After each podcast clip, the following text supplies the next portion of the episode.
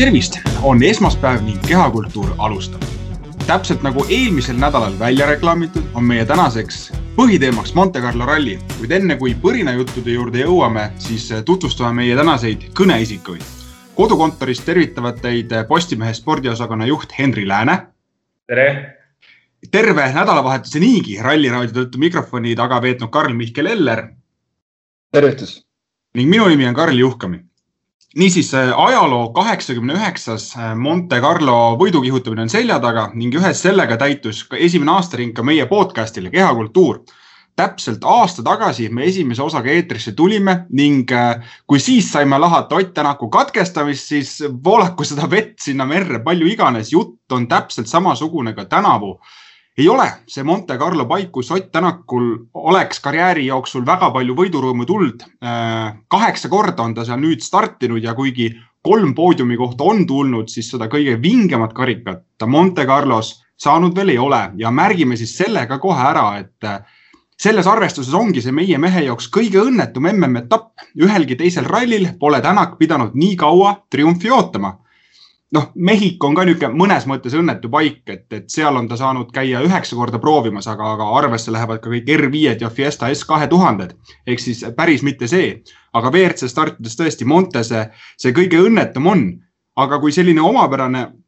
fakt siin juba ette sai loetud, siis et kas Monte teed ongi kuidagi sellised, mis Otile ei sobi või pigem on olnud probleemiks see, et alati on leidunud see keegi Sebastian, kes on lihtsalt sealsamas üles kasvanud ning tunneb neid teid, sama hästi nagu enda peopesa? noh, mina arvan seda, et see sinu lõpufakt kindlasti on üks, üks põhilisi, miks see niimoodi on olnud, sest et kui me siin viimastel aastatel tagasi mõtleme, et ega Triinu Vill oligi eelmine aasta nii-öelda esimene mitte Sebastian ja mitte prantslane, kes siin Ojoigu pika aja jooksul selle hegemoonia seal ära lõhkus ja siis jah, tõsi, nagu sa juba mainisid, Otil ei tekkinudki seda võimalust, sest neljandal katsel tuli see karm väljasõit ja katkestamine. aga, aga just nimelt eelnevalt eh, sellele kahe tuhande kahekümnendal aastale siin ühel hetkel lõi ka kokku, et mismoodi Otil siis tõesti Monte Carlos läinud on, et ühel hetkel läks ikkagi väga tõusus joones, et neljas koht, kolmas koht, teine koht ja siis nüüd on kaks katkestamist, et, et noh, jällegi ehk, ehk ühel päeval tuleb siis, millal meil see olukord ka muutub, aga, aga kas see on kaks tuhat kakskümmend kaks millalgi mujal, ei oska öelda no olgu siis see ka ära õiendatud, et äh, Ogier jaoks oli see siis karjääri viiekümnes WRC etapi võit ja kaheksas Monte ralli triumf, kuigi see liigutub samasse kategooriasse, et Ott Tänak on mitme korda Rally Estonia tšempion, et, et õiget arvestust tasub pidada ikkagi MM-sarja nii-öelda rallidel, et, et äh, Tänakul on sellisel juhul arvestus üks ja Ogier sarnaselt lööbiga seitsme peal, sest et tema esimene triumf pärineb kahe tuhande üheksandast aastast, kui, kui Monte kuulus äh, IRC sarja aga, aga mis see nagu Ogier fenomen seal Montes ikkagi on, et, et äh, kas, kas see, kas see on nagu see fakt, et ta on sealsamas üles kasvanud, kindlasti mängib rolli, aga kas on ka see nagu see, sealne ralli ja teeolud lihtsalt sobivadki tema stiiliga, mida me siin aastast aastasse kirjeldamegi kui sellise tasa sõuab ja jälle maailmameistriks tuleb äh, faktiga Hendri, kas, kas sulle tundub, et need kaks asja lihtsalt lähevadki väga hästi Montes kokku? ja kahtlemata see, et ikkagi ta sealtsamast, noh, rallikeskus on, on Prantsusmaa linnas Capis, kust, kust on pärit ka Ogier. ta, ta sealt pärit on, siis ausalt öeldes noh, pole ka ime, et ta nii hea on, eks ju. lisades veel vaata siis ütleme selle, et, et prantslased on ju traditsiooniliselt ka väga head asfaldisõitjad ja kuna Monte on ju noh, see on ka rallimeeste lemmiksõna, et väga spetsiifiliste oludega, äh, lemmik, lemmikfraas, vabandust, spetsiifiliste oludega, et siis äh, seda olulisem on nende olude nii-öelda, mida rohkem kogemust sul nendel oludel on, seda, seda parem. Ja, ja kuigi siin nüüd see aasta Montes enne rallit sai ju ka rallimeeles ikkagist räägitud sellest, et väga suures ulatuses, circa kaheksakümne viie protsendi ulatuses on ralli ju võrreldes eelmise aastaga näiteks erinev. oli ka, oli ka nii mõnigi uus katse, mida, mida ei olnud Montes varem sõidetud. et, et siis justkui võiks ju olla sellisem, ma ei tea,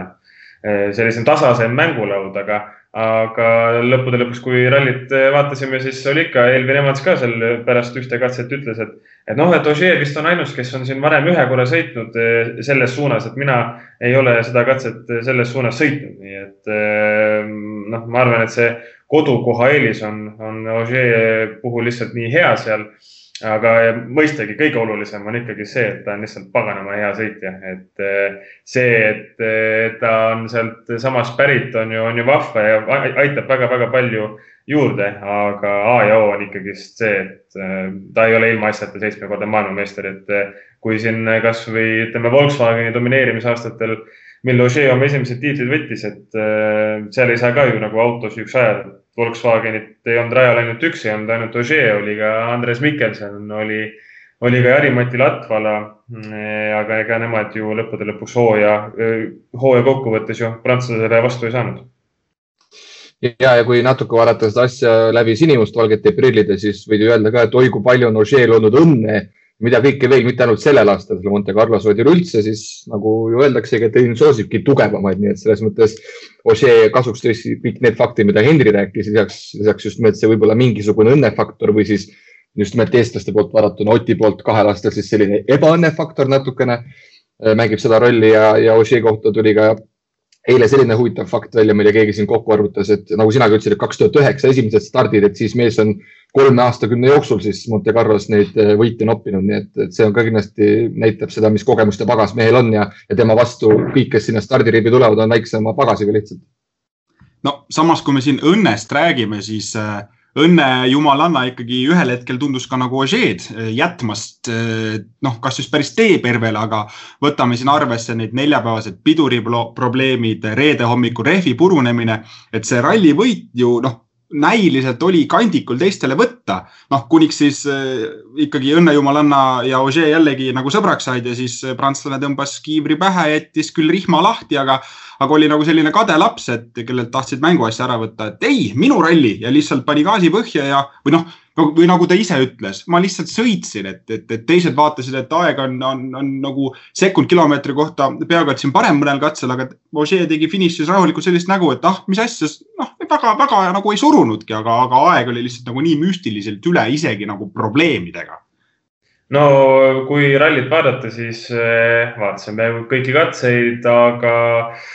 ainus, kelle puhul Ott kohe meelde ei tule, et kes oleks auto üle nurisenud või midagi öelnud, on, on Elvin Evans. ta vist tavapäraselt väga midagi nagu niimoodi ei nurise ka. küll ta, eks ju, noh, rääkis sellest, et kuidas olud on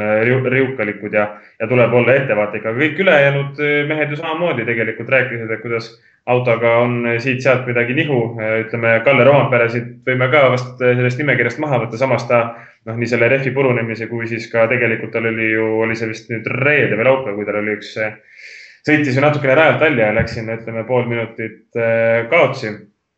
et autodega oli jah, oli ikkagist äh, ju paljudel noh, kas just probleeme, aga nii-öelda murekohti või, või, või asju, mida tahaks äh, parandada. ja kui mõelda siis selle nii-öelda lõõgastunud sõidustiili poole, siis mäletan Takamoto Kotsuta kohta räägiti ju enne rallit sedasama, et või õigemini Katsuta ise rääkis seda, et äh, nüüd ju aitab teda nii-öelda sõiduõpetaja mentorina, äh, mismoodi nimetada, endine äh, MM-tasemel sõitja Juha Hänninen, kes oli, oli, oli Katsutale Monte Carlos ka esiautos, et ja Katsuta ise ju rääkis, et kuidas Hänninen üritab talle lihtsalt veelgi selgemaks teha seda, et pead olema rooli taga lõdvestunud ja niimoodi kõik peab olema, nagu asjad peavad tulema sujuvalt, et, et see, kui siis hambad ristis punnide, punnida kogu aeg, et see, ma, mulle tundub, et see ei saagi olla nagu see kõige kiirem viis, eks ju, et et tihtipeale, kui me vaatame ka näiteks ütleme tänaku mingisuguseid pardakaamera videoid, siis seal ka nagu, ma ei taha öelda, et liiga suurt pingutust pole näha, aga no ei ole mingisuguseid suuri näogrimasse ja midagi sellist, eks ju. ometigi on mees ja auto väga kiire? mina tõstataks omalt poolt sellise väga lihtsa küsimusega, kes siis oleks pidanud võitma, kui mitte Ogier. et kui sa kasvõi stardinimekirja vaatad, oli ju kümme WRC autot stardis, noh, kohe võitjate pretendentidena Monte Carlos võime sealt maha arvata Lube, siis Katsuta, Greensmiti, noh, tegelikult ka Sordo on ju noh, Suninen kahjuks olid väga head katsevaheajad seal esimesel katsel, kõigist kiirem, aga siis lõpetas ta katkestamisega. Roampäralt tuleks ka praegu veel vara kindlasti Monte Carlo võitu oodata või võidu peale pretendeerima, sest lõpuks jäigi siis ju vastasteks nii-öelda kolm meest. meeskonnakaaslane Evans, kes on selgelt tiitli pretendent ja Tänak ja Neville. noh, Neville'i langes mängust ju kohe sellepärast, et tuli uus kaardilugeja jällegi lõpuks sai väga hästi hakkama, kolmas koht, aga jällegi ma arvan, ta andis ka endale aru, et võidu peale ta siin või noh, ma võitu ta siin kaitsta ei saa ja, ja noh, Tänak siis ka kokkuvõttes katkestamisega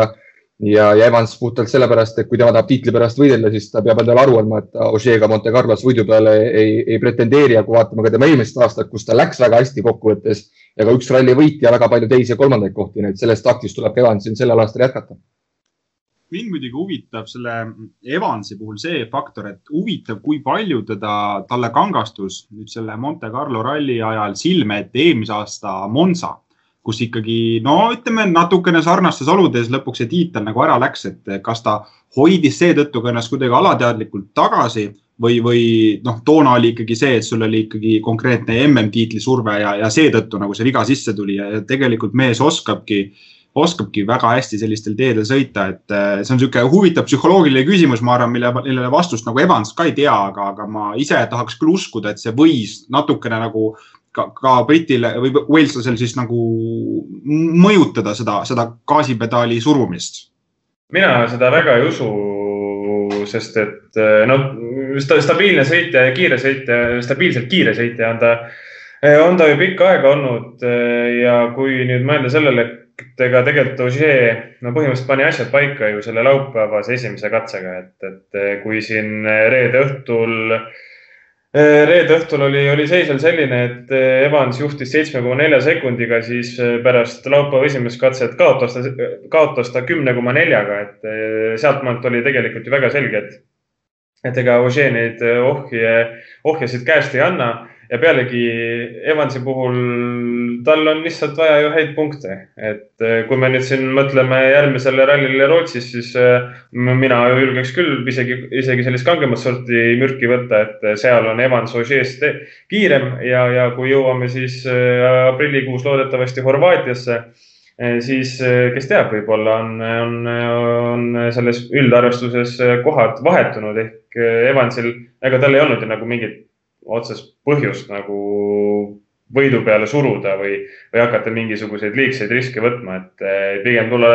enam-vähem rahulikult kohale, saada teise koha pluss mõned punktikatse, punktikatse lisasilmad ja elu tegelikult on ju väga ilus ja hooajale on tehtud väga korralik algus. jah, no see, see järgmine etapp siis jah, mitte traditsiooniliselt Rootsis, vaid siis nii-öelda Soomes on ju, aga, aga ja no ütleme, see talveralli ikkagi ja selge see, et Ožeel on seal juba keerulisem, sealt hakkab niikuinii seda juttu tulema, mis iga kord kasseti maki pealt tuleb, et kui keeruline seda teed siin lahti lükata ja kõigil teistele siis lumesahka mängida, aga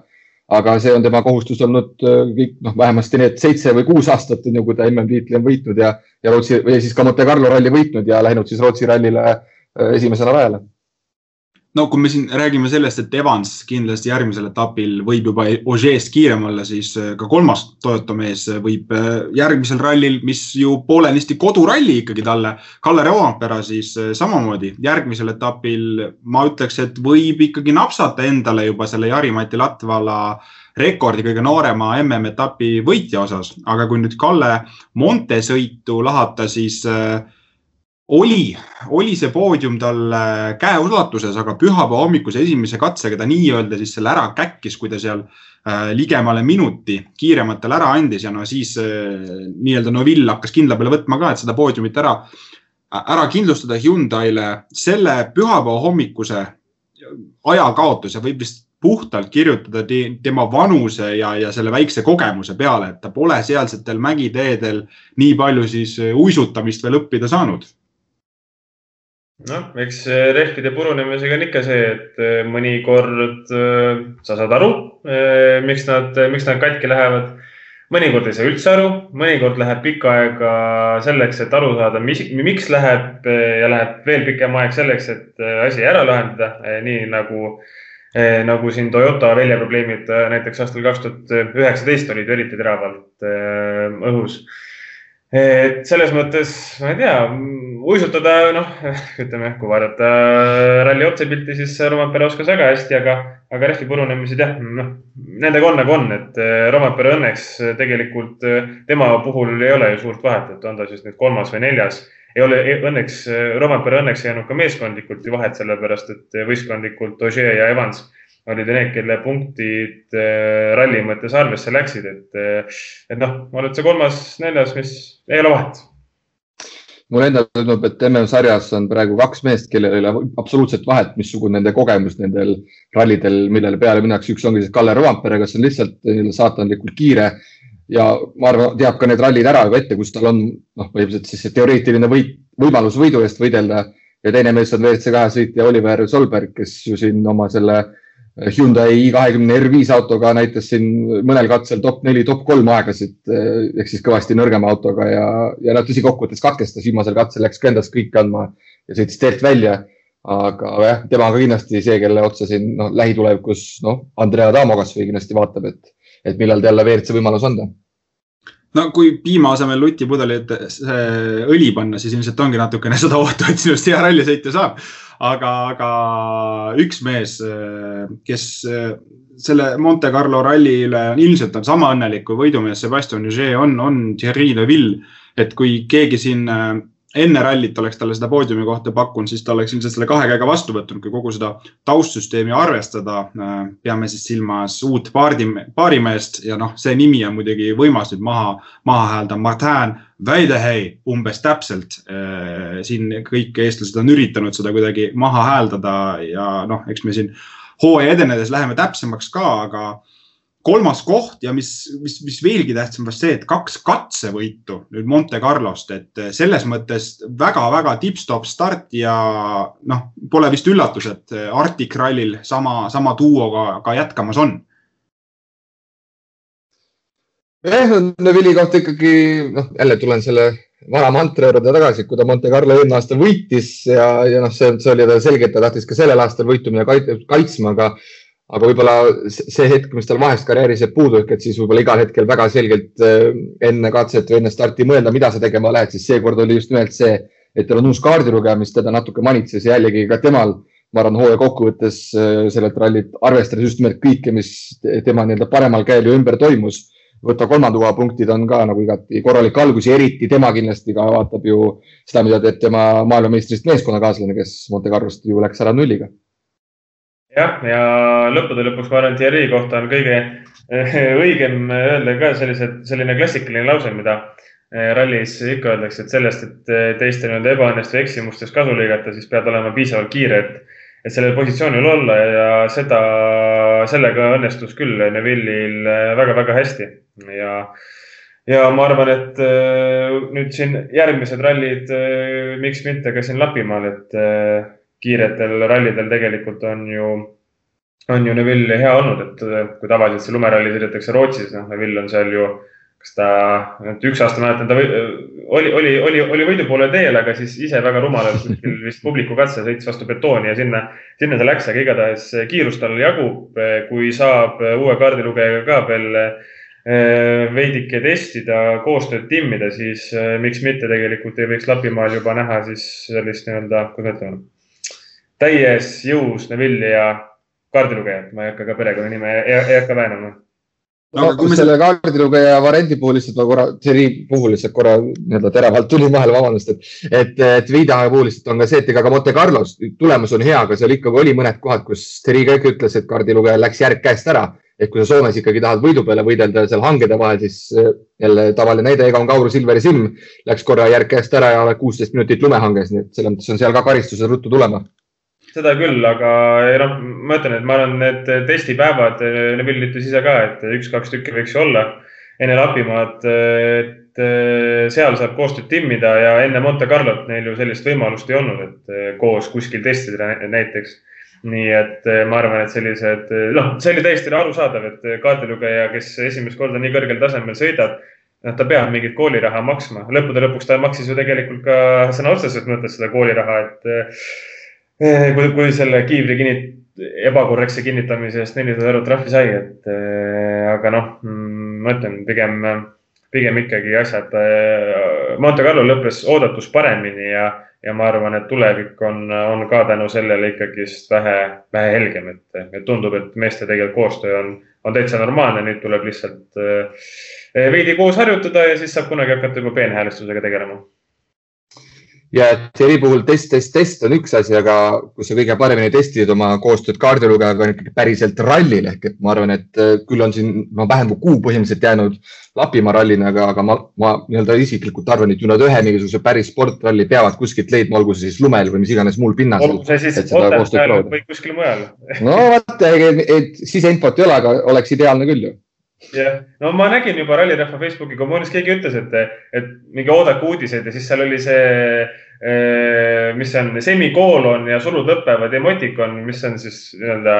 silma pilgutav emotikon, et, et, et äkki, äkki noh, et eelmine aasta ju tegelikult siin enne kui MM-sari edasi läks, siis nägime Eestis ju mitu korda WRC autosid, et eh, ma arvan, et selliste ka väiksemate rallide puhul WRC autode nii-öelda võõrustamine eestlastel tuleb ilmselgelt hästi välja, nii et eh, hoiame pöidlaid pihus. või siis keegi uurib, et mis krediitkaardiga on hotellitoad broneeritud Karupesas, et siis saab ka teada, mis bändi mehi kohale tuleb no Otepää on nagu põnev teema, aga kui, kui me siin korra puudutasime Neville'i ja tema, tema uue paarimehe koostööd, siis ega oluline on ka silmas pidada, et, et, et Monte on ju selles suhtes natukene noh, nagu, nagu Neville ka ütles, kõige parem äh, koht, kus õppida kaardimehel, et, et, et see, et neil omavaheline klapp läks vahepeal sassi või, või, või, või paarimees hakkas legendi vahepeal, läks veel legendi lugedes liiga ette, siis ega seal nagu selleks äh, segavaks faktoriks oli see, et praktiliselt äh, sõites kogu aeg oli vaja teha täpsustavaid märkusi, et siin kurvis nüüd järsku on must ja siin enam ei ole ole. et sellised parandused olid nagu need, mis, mis, mis kaardilugejal natukene selle kompuutri äh, ja protsessori aeglaseks lükkasid, aga, aga kui nüüd mõelda ikkagi Artiku puhul, siis äh, noh, seal minu arust põhitöö on ikkagi legendi lugemine väga-väga suurel kiirusel ja, ja see võiks ju ikkagi nagu välja tulla, kui sa ei pea samal ajal kogu aeg märkmeid tegema, et kivi, nukk, jää, mida kolmandat veel jah, see on hea. põhimõtteliselt ilmselt, ilmselt küll jah, aga no jällegi, et eks lumeralli on mingisugused erilised või teistsugused eripärad, et, et seal jällegi tekib isegi pigem võib-olla kardukajast olulisem on see, kuidas Neville lume, sellise ikkagi ehtsa lumeralliga hakkama saab, et tegelikult ikkagi spetsialistid juba räägivad, et ega see Arktiku ralli ei ole nüüd copy-paste Rootsi rallist, et see on hoopis midagi muud noh, samas kaks tuhat kaheksateist Neville ikkagi Rootsi ralli ära, ära võitis, et mingi lumetunnetus on tal olemas. seda kindlasti jah aga, aga kui me siin äh, Hyundai meestest juba rääkisime ja, ja enne äh, Takamotost, Ogier'st me siin rõhutasime seda, et rooli taga peab olema selline sujunud ja lõdvestunud ja, ja ei pea nagu silmad kinni pead punnitama, siis äh, noh, Tanis Ordo ju ei punnitanud seal hambad ristis, aga, aga ikka nagu mitte midagi nagu välja ei tulnud, et äh, ei tulnud alguses välja, siis ta tegi lihtsalt kurba nägu ja noh, kui Ott mängust välja pudenes, siis ega tal ei lubatud enam sõita kah. seal on muidugi see teine oht, et kui sa äh, nii-öelda ei, ei sõida saja protsendiga, siis äh, hakkavad auto need omadused, kui sa ei lähe täis, täisgaasiga ja, ja õige hooga kurvi sisse, siis need omadused on vähe teistsugused, kui sa testidel oled harjunud ja selline niisugune üheksakümne viie protsendi peal sõitmine on, on, sõitjad on öeldud, et on tihti isegi ohtlikum, aga et kaldud sõidu, sõidujoonest välja ja ei ole need downforce'id enam sellised, mis autot äh, autot rajal hoiaks, aga Sordo nagu ralli kokkuvõte on niisugune mõnus äh, Monte Cruise, et ega seal ütleme, tippkonkurentsis ta ikkagi rallit ei sõitnud või kuidas teile tundus? eks tal oli algusest peale autoga, autoga muresid, et äh, siin Nenni neljapäevastel kui ka reedestel katsetel ta ikka ütles, et kui finišisse jõudis, et noh, et päris hästi läks, aga siis kui aega, aega nägi, siis, siis kas siis päris must vasandus peale tuli, aga aga kurb meel küll, aga laupäeval oli kindlasti tegelikult väga hästi näha, kuidas see Sordo, mis iganes muudatusi auto kallal tehti ja, ja kas ta ka ise sai näiteks oma keskendumise rohkem paika või, või, või, või midagi sellist, aga igatahes laupäevasel päeval oli ta no põhimõtteliselt kõige kiirem, et kui siin võtta need kolm katset ette, siis eh, pärast kahte laupäevast katset oli ta päeva kõige kiirem ja viimasel katsel ta kaotas eh, siin parimale, kohe ütlen, kohe ütlen, kolmkümmend üheksa koma neli sekundit, aga, aga see, aga seda, aga seda ta ju ise ka hiljem selgitas, et kuna Tänak oli katkestanud, siis oli, on ju vaja meeskondlikud punktid koju tuua ja ei hakanud mingisugust kangelast mängima. Ja kui võtta siis seda ka viimast katset arvestades, see laupäevane eh, paremusjärjestus, siis Sordo oli viies, kaotus kakskümmend üheksa koma üks, nii et tegelikult vabalt, kui oleks ta ka seda viimast katset noh, nii-öelda normaalselt või, või pingutavalt sõitnud, et siis siis oleks, oleks võinud olla laupäeva number üks mees. nii et eh, see, kuidas neljapäeval ja reedel viltu läks, eh, kindlasti väga pettumust valmistab talle ja ka Hyundai'le, et üldjuhul me oleme harjunud sellega, et Sordo, kui ta kuskil sõidab, et, et siis ta on ikkagi, ikkagi päris väle nobe ja noh, vähemalt poodiumi koha eest võitleb, aga, aga Monte Carlos äh, alguse tõttu oli, olid asjad sellest ikkagist väga kaugel mina natuke vaataks isegi seda pilti nüüd laiemalt, et äh, olles nüüd jah, terve nädala selles rütmis sees olnud ja Sordot ja rallit jälginud, et äh, küsimus pigem Andrea Tamole, mida ma küll ei küsinud, kui oli enne rallit võimalus, et miks tema siis, kui teda on vahepeal nimetatud kui selliseks Real Madridi peatreeneriks, et sul on see rallimeeste pink seal nii pikk, et vaheta põhimõtteliselt iga ralli järel sõitjaid. et miks üldse Dani Sordo panna Monte Carlo ralli starti, tõsi, ajaloo ratast kerime tagasi, kümme aastat tagasi mees on tulnud seal noh, teiseks nii mõnelgi korral ka erinevate sõiduriistadega, aga, aga ta isegi ju viimastel hooaegadel on ju pigem see nii-öelda siis konkreetsete rallide, pigem asfaltirallide mees, et eh, miks siis teda nagu sinna üldse on vaja või mis, mis asfaltiralli, Sardiinia ralli kruusal on ju. et see oli mitmekordne võitja, et miks, miks teda oli vaja sinna panna, et miks näiteks ei võetud Hayden Paddonit või ma ei tea kedagi teist üldse, aga noh, jällegi see on nüüd tagantjärele tarkus ja võib-olla Adamo teeb mingeid otsuse muutusi mingisuguseks muuks ralliks, samas kui me mõtleme Lapimaa ralli peale, siis jällegi seal Craig Green panna starti, mis seda ei ole küll kinnitatud, aga mis tundub igati loogiline, oleks jälle õige valik nojah, ja kui Hyundai sõitjaid lahkame, siis äh, nüüd lõpuks äh, jõuame ka selle kõige põletavama sõitja juurde ehk siis Ott Tänaku juurde. no siin nädalavahetuse jooksul on olnud ralli foorumites äh, kohtades pikki arutelusid, et mis põhjusel ta siis lõpuks ikkagi rajalt maha võeti. noh, tegelikult on asi lihtne, et jõudis hooldusalasse kolme ratta peal ja see ei olnud seadusega kooskõlas ja nii ta maha võeti, et ei ole siin tegemist ei Monte ralli, Monte Carlo ralli eripäradega ega superralli süsteemi kiiksudega, et kui sa tahad äh, tänavakõlbulikel teedel või nagu tavaliikluses äh, liigelda, siis neli ratast autol all peab olema ja seda kriteeriumit ta kahjuks, kahjuks ei täitnud. Äh, oluline on siis ka ära markida see, et kui mõnel rallil peaks meie meestega jälle nii juhtuma, et nad tavaliikluses kolme rehviga kipuks, siis nad peaksid nii-öelda karistuseks ühe etapi vahele jätma. et on selge, et selle mõttega või ideega nad enam, enam flirtima ei hakka aga kui nüüd selle, nende rehvi purunemiste juurde tulla, siis esimene tuli neist äh, laupäeva esimesel katsel, üheksas kiiruskatse.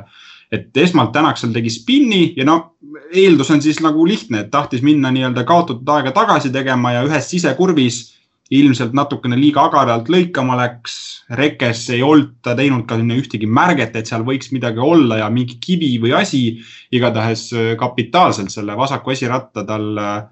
no võib öelda, et kaheksasse tõmbas, sellepärast et nagu me hiljem äh, teada saime, siis mitte ainult ei saanud rehv kannatada, vaid, vaid sai ka velg kannatada, et äh, Tänak ise ütles siin julgelt, et äh, minu süü. kas, kas me julgeme nüüd ka öelda, et see oli nüüd sada protsenti Tänaku süü või ta oli, või oli selline natukene Tänaku süü, natukene Hyundai süü, et see velg ei pidanud ja natukene lihtsalt ebaõnne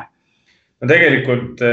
peaks vist olema nõnda, et päris velge see kaheksas ei tõmmanud, et pigem äh, ratas, kui ma sain aru, oli, oli see, mis, eh, mis viga sai. velg on inglise keeles ikkagist eh, natuke teistmoodi, aga see selleks. Eh, muidugi selle üle on nüüd noh, nagu lihtne arutleda, et oleks võinud selle teise võtta, ei oleks, ei oleks probleemi olnud. samas see oli ju Hyundai meeste teadlik valik, et mindi, mindi ühe varurehviga, samal ajal kui Toyota näiteks, Toyota mehed läksid kahega. pigem lihtsalt selline äh, väga halbade asjade kokkulangemine ja, ja, ja ma olen tegelikult ka väga nõus eh, Gustav Krudaga, kes siin ralliraportis Postimehe Kuku raadio rallisaates siis eh, ütles laupäeval, et ega neid nulliringe tuleb ju kõigile ette, et eh, Tänakul lihtsalt kahjuks teist aastat järjest. Samas kohas kohe hooaja alguses, mis, mis on, ei ole, ei ole muidugi hea algus, aga, aga võrreldes eelmise aastaga vähemalt lootuste ja eelduste kohaselt on ju siis see aasta rohkem aega selleks vigade paranduseks, et eelmine aasta läks nässu, okei okay,, kuus rallit veel. see aasta läks nässu loodetavasti üksteist rallit veel, et see on ikkagist ju väga-väga suur vahe ja, ja kui juba Gustavit korra mainisid, mainisid, siis ka tema ju nokkis selle sellise tõetera välja, et, et miks oli siis üks varurehv kaasas, oli pigem see, et auto balanss Hyundai'l oli sellisel juhul parem. Selle autoga oli võimalik paremat kiirust näidata, mis eelduslikult tähendab ka kõrgemat lõpp-positsiooni, et see oli see risk, mis võeti. noh, kui nüüd küsida, et kas Ott Tänak ja Martin Järveoja ülejäänud siis loodetavasti üheteistkümnel rallil, mis meil nüüd on kalendri sees ootamas, võtavad iga kord kaasa kaks varurehvi no ma julgen kahelda, kuigi jällegi nii-öelda külma peaga mõeldes võiks ju võtta, aga, aga samas jällegi, kui tekivad mingisugused konkreetsed positsioonivõitlused, sekundimängud, siis see, kas sul on see kakskümmend viis kilo seal pagasnikus rohkem või vähem ikkagi mängib rolli ja, ja võib-olla ikkagi seda ühe hooaja jooksul mitu korda ei juhtu, et, et sul see üks rehv nii-öelda nii, nii hullusti lõhkeb, et sa tõesti nii-öelda võetakse sind sellepärast maha, et sul ei ole siis nelja veerevat ratast auto all. see on, ma arvan, üldse nii haruldane, et ühel sõitjal kahel järjestikusel katsel eh, rehv katki läheb ja veel niimoodi siis ju, et noh, et, et, et lõpetada ainult välja peal, et noh, see on, kuidas me ütleme, jumal oli lätlane sel päeval, noh, ei ole midagi muud teha. Ja, ja ega see reegel ei ole tegelikult üldse väga vana, et, et autol peavad olema need neli veerevat ratast siis all, et see kaks tuhat kaheksateist Portugal oli see, kui mälestusväärselt Chris Meek kes jah, kahjuks siis tippkonkurentsist on selles mõttes värvika kujuna välja langenud, kihutas mööda Porto linnatänavaid kaks korda järjest mööda Munakivi teed niimoodi, et vasak tagumisest noh, koopas sädemid pritsis, sest et lõpuks ei olnud isegi velge seal alles enam auto all. ehk et ja siis oli tal lubatud veel jõuda katse finišisse ka hooldusalasse ja siis järgmine päev veel jätkata ja lõpetada see ralli ka punkti kohal, seitsmendana. Et, et siis võeti see otsus vastu, et tuleb neli veerevat ratast olla ja, ja nüüd jällegi ei ole nüüd kõike lõpuni läbi vaadanud, aga neist Äh, tippkonkurentsi meestest kindlasti Tänak Järve oli nüüd esimesed, kes nii-öelda selle tõttu siis ka selles mõttes haiget või karistada said, et nad ei saanud ka seda rallit lõpuni sõita ja siis ka punktikatse punkte koguda. muidugi siin Monte ajal on nagu ka selle rehvi purunemiste valguses, äh, no see Pirelli Michelin teema on nagu üks teema, aga, aga just see, et kui need rehvid ikkagi lõhkesid nagu siis sellest noh, vähemalt need, mis videopilte siin tuli, need Tänaku kaks tükki, Ogier üks ja, ja Rovampera oma Äh, no nendest rehvidest ei jäänudki mitte midagi alles selles suhtes, et kui, kui, kui see rehvi purunemine oli, siis oligi praktiliselt kohe nagu välja peal sõitmine, et see oli nagu asi, mis võib-olla šokeeris või üllatas kõige rohkem, et sul ei jäänud sellist noh, mingitki kummi, kummiräsu sinna, mis aitaks nagu natukene, natukene ja toetaks, vaid oli kohe nagu põhimõtteliselt nagu raudtee, raudteerattaga panid ringi noh Ožee puhul minu arust seal oli küll seda kummi olemas, äh, jah, mitte küll väga palju, aga, aga välja peal ta finišisse ei lonkinud. noh, Tänaku puhul on arusaadav, miks, äh, miks asjad nii kaugele läksid, et kui ikkagist mõlema katse alguses ja need ei olnud ju nüüd kõige lühemad katsed ka maailmas, et esimene laupäevane katse oli kaheksateist koma kolm ja teine oli siis kakskümmend koma, koma nelikümmend kaheksa, et päris pikad katsed, või no mitte päris pikad, aga niisuguse täitsa normaalse pikkusega normaalse pikkusega katsed, et, et kui seal alguses läheb, noh, ega siis ei olegi suurt midagi oodata, et äh, ma ei tea, võib-olla siin Tommy Mäkineni poolt takka kiidetud isetäituvad rehvid oleks, oleks siin nagu äh, päästnud, aga ega seda me teada ei saa ju. ja, ja, ja see just nimelt katse alguses ja jällegi ka Monte Carlo katsed ei olnud ju midagi lühikest, et pigem ikkagi sinna kahekümne kilomeetri kanti ja ja sõitjal tuleb ju teha otsus, et kas siis hakata rehvi vahetama või sõita siis sellega lõpuni ja, ja vaatab lõpuks, mis sellest järele on äh, jäänud, et kumb siis ajakadu nii-öelda üle mängib ja, ja kaks tuhat kaheksateist Hispaania, kui Ott Tänak siis esimest aastat Toyotas sõitis ja võitles ka ikkagi MM-tiitli nimel, siis tema ju tegi katsel ühe hetkel ka selle otsuse, et selline slow puncture, jääme seisma, vahetame ära noh, tagantjärele tarkus vist oleks olnud see, et oleks pigem võinud lõpuni sõita, aga jällegi palju see kokkuvõttes mingisugust kasu või, või midagi muud oleks mänginud, ei oska öelda, aga, aga jällegi ka Monte Carlo rehvide või siis konkreetselt Pirelli rehvide puhul, mis on Monte Carlo ralliks mõeldud, et eh, nendega sõidetaksegi järgmine kord alles ju aasta pärast. ma pean siis silmas neid äh, neid siis naastrehve või siis neid äh, lume, lumerehve, millel on need lühikesed naastud all. et Soomes, Lapimaal juba on need ikkagi õiged talverehvid, et, et, et võib-olla siis seal on see olu kuidagi teistmoodi ja, ja kruusal ja puhtal asfaldil me ei olegi veel näinud, kuidas Pirelli rehv siis selle WRC auto all võistlustingimustes hakkama saab no kruusa peal siin vähemalt madalamates sarjades ju, ju ja, ja, ja testidel Andreas Mikkelson on, on seda Pirellit nii-öelda selle piire kompanud küll ja veel, aga kas see, et nüüd alles järgmise aasta Montes uuesti need, need Pirellid ette võetakse, see on nagu niisugune kahe teraga mõõk, et see võib olla hea ja halb, et eh, hea selles mõttes, et ei pea selle noh, selle väikse valimi põhjal, mis meil on, selle saastaga nagu kokku puutuma aasta aega. teisest küljest see, et aga kui palju sellega nagu reaalselt tööd edasi tehakse, et kui siin tekivad ka teiste rehvidega teatud probleemid, et siis noh, pannakse ikkagi ju põhirõhk sellele, nendele jalavarjudele, mida sa aasta jooksul rohkem kasutad, et kui see nii-öelda Monte rehv ongi ainult Montes kasutusel, noh, see, see lumerehv naastudega, siis see on nagu prioriteetide järjekorras võib nagu väga kiiresti väga, väga, väga taha vajuda ja siis me oleme jälle kaks tuhat kakskümmend kaks, no jumal teab, milline see MM-sari siis on, sellepärast et siin on veel igasugused naljad aasta jooksul juhtumas. aga noh, seisame jälle fakti ees, et, et mäletate, mis eelmine aasta juhtus, sest noh, lihtne võrdlus on ju see, et kui ma võtan nüüd eelmise aasta Monte ette, üritasin siin EVRC-s näpuga järge ajada, kellel eelmine aasta rehvid lõhkusid ja mina suutsin leida ainult Gus Greensmithi ehk siis ühe WRC sõitja, kellel siis see Michelin seal auto all järge andis, et noh, jah, see valim on väike, see, see, see tänavune Monte, aga ikkagi kolmel mehel neli rehvi. Ja ma räägin siin ainult WRC meestest, et siin R5-ga sõitjatel olid need probleemid isegi natukene rohkemad, et, et kas, kas need häirekellad nüüd peaksid ikkagi, ikkagi tõsiselt lööma ja see kell peaks ikkagi, ikkagi iga hinna eest selle kella helim peaks jõudma nüüd Pirelli tehasesse või, või ei, ei tasu nüüd liiga palju keskenduda sellele nüüd tuleb mõelda, kes vastab, no ma siis vastan. ma arvan isiklikult seda, et, äh, et jah, selles mõttes kindlasti on õigus, et mingisugune alarmkell kellelgi kuskil kontoris võiks käima hakata. aga samas jällegi, kui, kui olukord on see, et, et äh, noh, see Ott Tänak katkestas, sai nüüd selle nullpunkti ja kui tabavalt öeldi siin jällegi tsiteerides Gustav Krudat, et kõigil hooaja peale ühel hetkel peab see olukord tekkima, mitte peab, aeg on näidanud, et üldjuhul tekib see nulliralli ka siis ühel hetkel on ka seal see ralli, kus need rehvid lihtsalt lõhkevad, et, et ma võib-olla kõike seda ei paneks praegu puhtalt ainult Pirelli ja selle uue rehvi süüks. kuigi ilmselt mingisugune osakaal sellel on, aga jällegi kolmsada kuuskümmend viis päeva läheb mööda ja, ja eks siis, siis, siis oleme juba targemad. üks asi, mida ma nagu isiklikult eh, tahaks, tahaks veel küsida, et eh, mind väga-väga huvitab eh, kuidas ikkagi juhtub see, et siin Ogier, Del Barrio ja Neville'i kaardilugeja kõik saavad selle kurikuulsa neljasaja eurose trahvi kiivri rihma mittekinnitamisest, et äh, ma, ma, ma ei tea, ma ei ole ise nagu rallit sõitnud, aga, aga minu jaoks tundub ta küll sihuke kas see nagu ei peaks kuuluma sellise automaatsete stardiprotokolli hulka, et noh, nagu mina lähen kodust välja, et mobiilrahakott võtmeid, ahah, kõik on taskus olemas, noh siis lähen uksest välja alles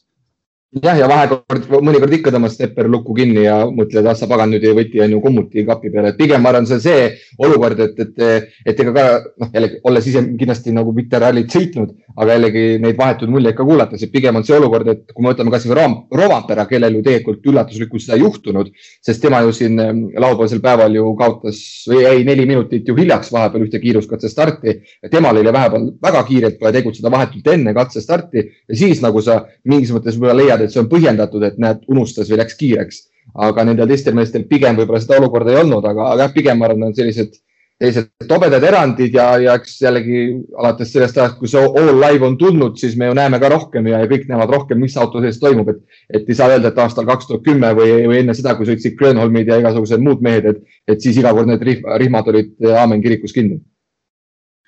no ühe meeskonnani me veel polegi jõudnud. Äh, M-spordis siis juttu on, äh,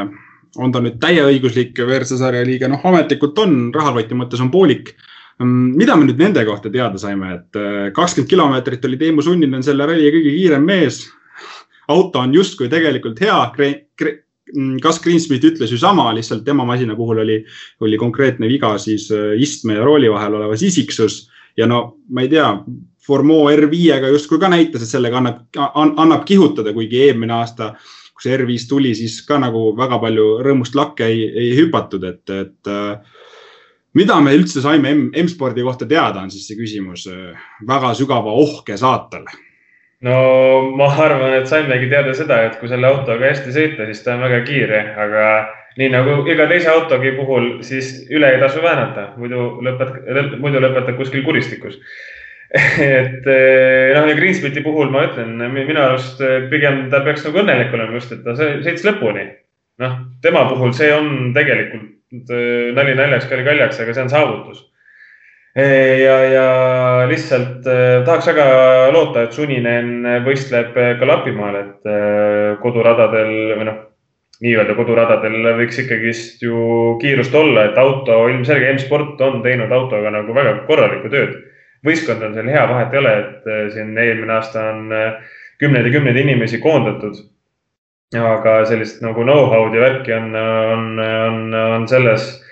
on selles tiimis ikkagist meeletult ja, ja seda suudetakse ka väga edukalt rakendada, seda rohkem on kahju, et meil ei ole täishooaega tegevat pilooti spordis, kes siis noh, noh, kasvõi sunninen veel appi, et, et sõitjad, kelle puhul julgeks nagu midagi kuskil oota, loota või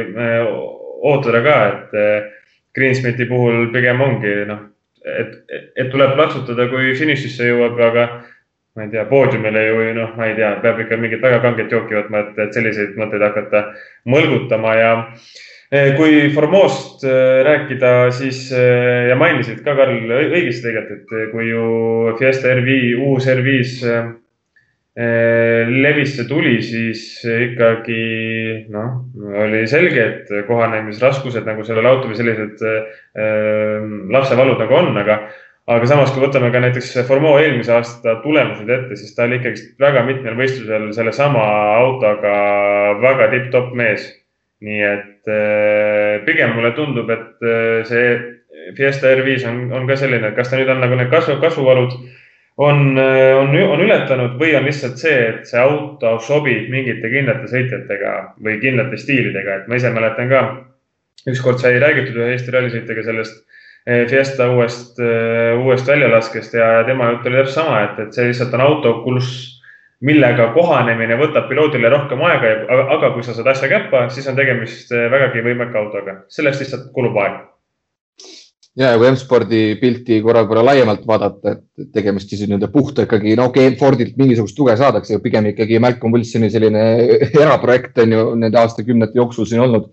et, et noh, eks nende eesmärk on ka see, et Suninen, noh, Greensmith ilmselt mitte, aga Suninen loodetavasti nüüd saab veel sõita ja eeskätt muidugi Lapimaal, et et võtab siit vähemasti selle ühe poodiumi kohaga ära aasta peale, et siis vähemalt seegi ette näidata, et üldkokkuvõttes on ju niikuinii teada, et ükskõik, mis sa teed, sa oled ikkagi Toyota Hyundai järel nagu kolmas ehk siis noh, viimane see nii-öelda manufaktuurer. aga selge on see, et ega M-spordi põhiraha ju ja kõik tuleb ju R5 ehk siis WRC kahe või täpsemini siis WRC kolme pealt ehk et erasõitjate poolelt ja üleüldse ka igalt poolt rahvuslikest sarjadest, kes nende toodangut ostavad, nii et neil on tõesti pigem olulisem Furmoo, Furmood jah, siis sõidutada selles WRC kahes nii palju kui võimalik, et ta Mikkelseni vastu, kui ta isegi tiitlit ei võta, siis vähemasti näitaks, et selle Fordiga on Škoda vastu võimalik saada ja, ja pigem on nagu nende jaoks see oluline, et, et, et ennast siis nagu pea vee peal hoida ja, ja see äh, nii-öelda äh, finants ja raha, raha pool nagu jätkuks. noh, Formood näeme ju sel aastal WRC autoga ka sõitmas MM-sarjas ja, ja tegelikult ma ütleks, et see Monte Carlos näidatud kiirus R5-ga oli selline, et mis noh, tegelikult tekitab sellist mõnusat, mõnusat elevust ja ootusära,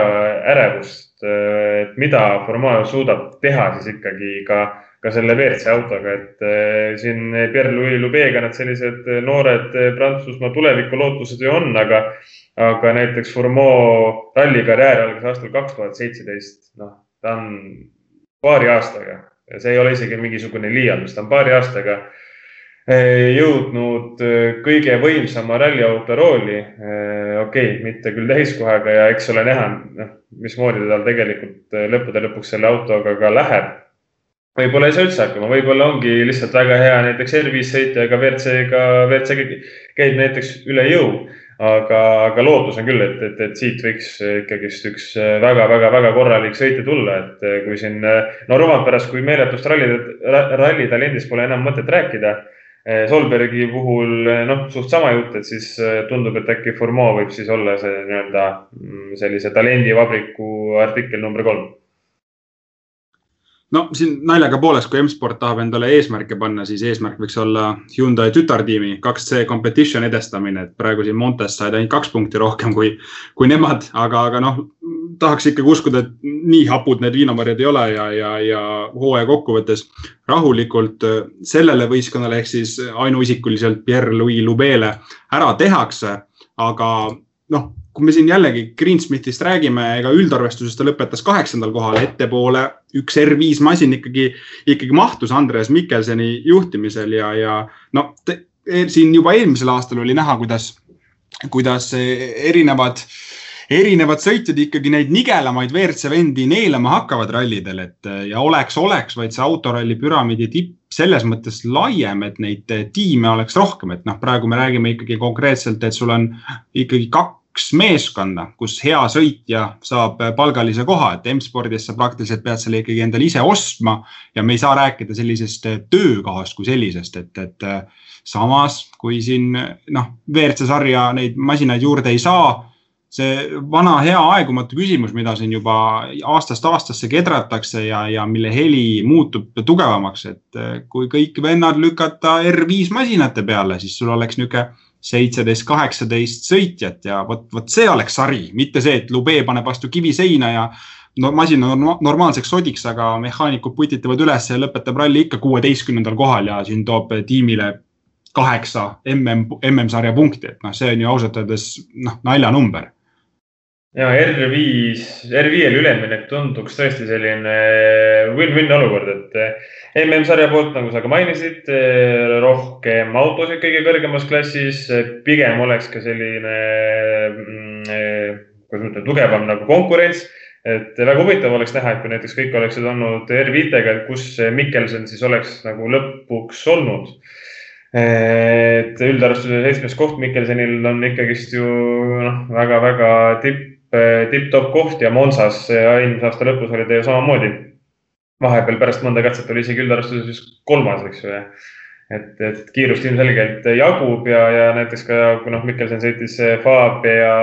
Fab ja siis järgmise või nagu kõige uuema põlvkonna autoga. ega seal ju ka siin nüüd selleks aastaks on seal tehtud palju muudatusi ja tippkiirus ju olevat äh, olevat võimeline minna kõrgemale kui WRC autodegi puhul, kui noh, muidugi me teame, rallis tippkiirus ei maksa, see maksab siis, kui tahad olla kõva mees ja tahad öelda, et näed, mul on, mul on niisugune masin. aga, aga ma arvan, et tegelikult tootjate jaoks oleks R5-le üleminek või see, et R5-st saaks see kõr kõige kõrgem klass ju samamoodi tegelikult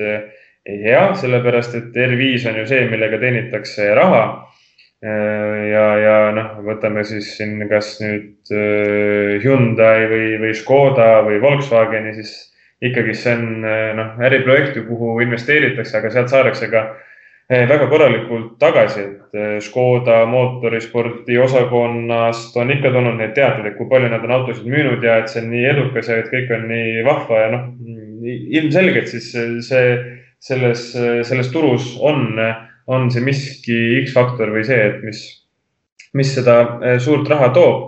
Eh, ja seda üllatavam on siis kuulata ka näiteks FIA ralli direktori Tiiv Matoni, et, eh, et tootjad ise tahavad, et R5 ei oleks kõige kõrgem, vaid et oleks siis see nii-öelda RC, RC1 klass, et no ma ei tea, võib-olla ta on rääkinud ainult ühe tootjaga või kahega, kes niikuinii ei taha tulla, aga ütlevad, et peab olema niimoodi. ma ei kujuta ette, et et R5 autod oleks ju kahtlemata tegelikult ka odavamad ja, ja ma ise mõtlen nagu selle peale, et, et äh, siin vana aja ralli asju vaadates, siis näiteks äh, kasvõi kahekümne esimese sajandi alguseski oli vist selline mees nagu Sebastian Lindholm, Markus Grönholmi sugulane, kes äh, jah, ta mingitel aegadel sõitis WRC sarjas rohkem, aga ega ta nagu noh, sellist täishooaega ta, ma ei mäleta, et ta oleks teinud, aga aga samas ta näiteks äh, sõitis Soome MM-rallidel ikka ja ta vahepeal oli seal äh, ka poodiumi konkurentsis ja värki, üks aasta vist äkki oli isegi liider või teine, aga, aga, aga siis kuskil äh, hüppest, hüppest maandudes pani võssa. et see R5-le minek võiks äkki tuua ka nagu sellist ettearvamatust, et no mõtleme kas Rally Estonia puhul, et näiteks ütleme, kui kõik oleks R5-ga, siis Egon Kaur äkki võiks seal võidelda, ma ei tea, mingisuguse, mingisuguse hea koha peale üldarvestuses ka, mitte ainult siis oma selles konkreetses äh, klassis? Äh, ma, tähendab, tore, mõttekäik on äh, iseenesest tore ja põnev, aga, aga lihtsalt katsuks korra sellest helesinise pilve pealt maha tulla, et, et EQC R5-le, ütleme siis niimoodi WRC klassi või siis Rally1 klassi, mis iganes nimega teda nimetada, selle kaotamist ei toimu, sest et R5 peab jääma ikkagi selliseks noh, hüppelauaks või teiseks ešeloniks sest et siis sellisel juhul kaoks ära see kuninglik klass, noh, see oleks sama, et kaotame F1 klassi ära, hakkame ainult F2 sõitma, et näe, Mersu on kõigist üle ja, ja, ja seal noh, et see nagu tundub kuidagi väga mõistusevastane, et, et iseenesest see näide on ka õige, et, et, et, et R5 autosid ju müüakse, aga, aga samas sa ei lähe ka ju kuhugi poodi endale F1 autot ostma, et sellega koduses ringrajasarjas kaasa või sõita, et sa oled ikkagi nagu seda noh, mingisugust teist asja endale ostma, et, et ja jällegi üks variant on see, et need kõik, kes on WRC auto nii-öelda tunde kätte saanud, teiste seas Ott Tänaki, nad kaotaksid igasuguse motivatsiooni sõita seda klassi kaasa, et see on hoopis teine teema, et tulla ülevalt alla tagasi. ma ütleks sellisel juhul Ott Tänak lõpetaks oma karjääri ja, ja noh, jällegi see oleks mingisugune muu võistlus, et, et me võime võtta siin mingisuguse kohaliku äh, Äh, pagide või cross-card'i võistluse ka ja öelda, et see on jõle põnev, aga et öelda, et selle klassiga selgitame ka ainult maailmameistrid, et noh, see oleks nagu, see on, see on nagu, see on mingi muu võistlus, ma ütleksin selle kohta niimoodi, et siis ei ole enam autoralli maailmameistrivõistlused. aga autoralli, ma arvan, MM-sarja nii-öelda üldise tervise nimel pigem oleks see ju, oleks see ju hea käik ja see on olulisem kui see, mida sõitjad arvavad või, või tahavad, et ilma tiimideta, ilma tehase tiimideta ju tegelikult eh, liiga kaugele selle RC1 või WRC klassiga ju ikkagist ei, ei sõua, ma arvan, et siin järgmise hooaja osas neid eh, murepilvi või küsimuse pilvi on, on õhus tegelikult ju, ju korralikult, et eh, praeguse info kohaselt eh, Toyota ju tegeleb oma arendustööga. M-sport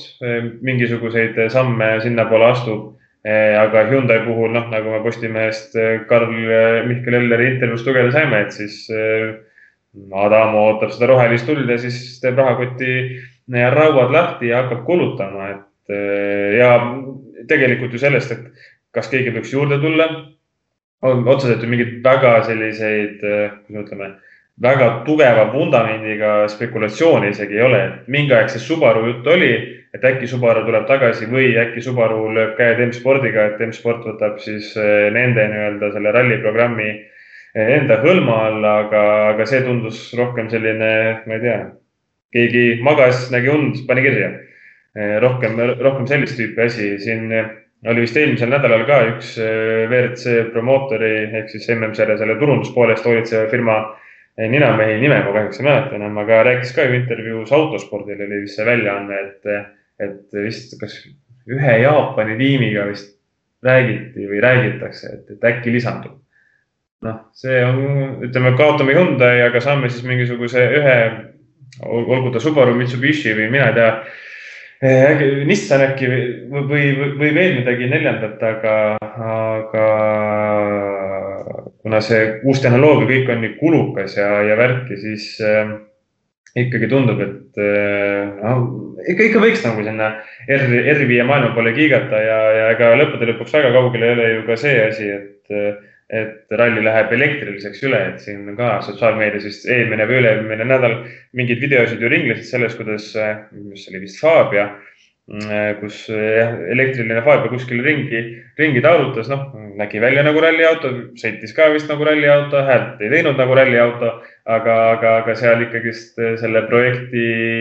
ka tegelevad inimesed ütlesid ka, et, et nad, et töötatakse selle nimel, et siis mingisugune selline heli heliefekt nagu saavutada või mingisugune asi autole külge panna, et, et see heli oleks ralliautole, ralliautole lähem, nii et eh, lõppude lõpuks eh, jah, ma arvan, et tuleb lihtsalt eh, tegelikult teha nii nagu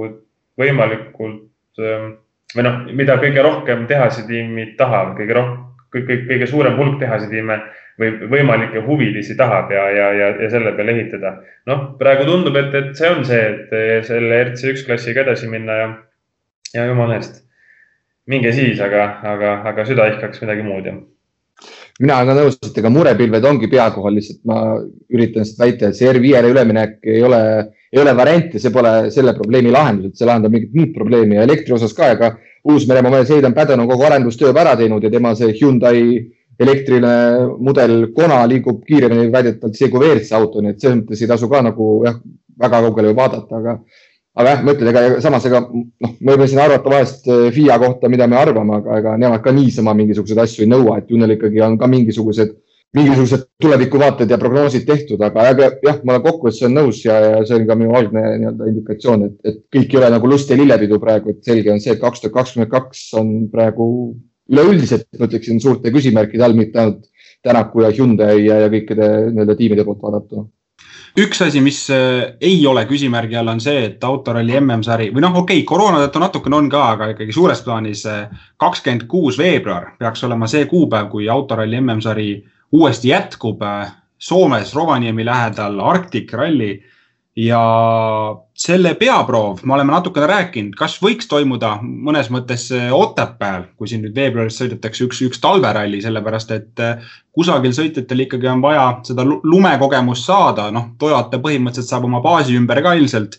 mõned kilomeetrid kätte saada, aga, aga Alsenaus kindlasti lund maas ei ole ja, ja M-spordil vist on ka natukene keeruline Briti saartele lumekahureid tööle panna, et, et, et seda, seda testi teha. noh, ma arvan, et jah, päris õhust võetud see variant ei ole, et ega need kuupäevad nagu klapivad ja kõik nii ja naa, aga kokkuvõttes on selge see, et see, mis, mis iganes lumeolud vastavad eh, või on Otepääl sellel ajahetkel kuu aja, noh, vähem kuu aja pärast nüüd juba äh, ei ole võrreldavad sellega, mis nähakse Lapimaal. et jah, võib-olla mingisugune logistiline tõenäosus on jah, võib-olla see, et äh, et, et, et Hyundai tuleb siia starti just nimelt kasvõi see välja käidud variant, et Neville'il on kaardilugejaga vaja seda noh, kogemust ja seda kõike, aga jällegi ma ütleksin, et seal ei oma ka otseselt tähtsust see, mis pinnasel see ralli on. eks see võib ka kuskil Kesk-Euroopas toimuda. aga et jah, mingisugused variandid on olemas, jällegi see on puhtalt kõhutunde pealt pakkumine, et ei ole mingisugust muud tagapõhja mul sellele lisada, aga, aga jah, kokkuvõttes miks mitte, aga samas jällegi teoreetiliselt paremad variandid oleksid kusagil Põhja-Rootsis või Põhja-Norras ilmselt igatahes, kui see Arctic Rally tuleb, äh, on lootust, et lisaks Ott Tänakule seal veel mõni eestlane stardib, äh, eks neid uudiseid kindlasti me kajastame, kui need peaksid tulema, nii et Postimehe spordiportaalis jätkuvalt äh, külas tasub käia. lisaks, kellel rallijuttudest ikkagi veel täit anumat ei saanud, siis soovitame kõrva peale panna ka meie teistele rallisaadetele Ralli raport ja, ja Power Stage, mis mõlemad nii Postimehe veebis kui ka Kukus saadaval on selline oli kehakultuuri esimese sünnipäeva saade. milliseks kujuneb meie teise eluaasta esimene saade? selles osas oleme targemad juba järgmisel nädalal. Henri Lääne, Karl-Mihkel Eller ja Karl Juhkami tänavad teid ning olge terved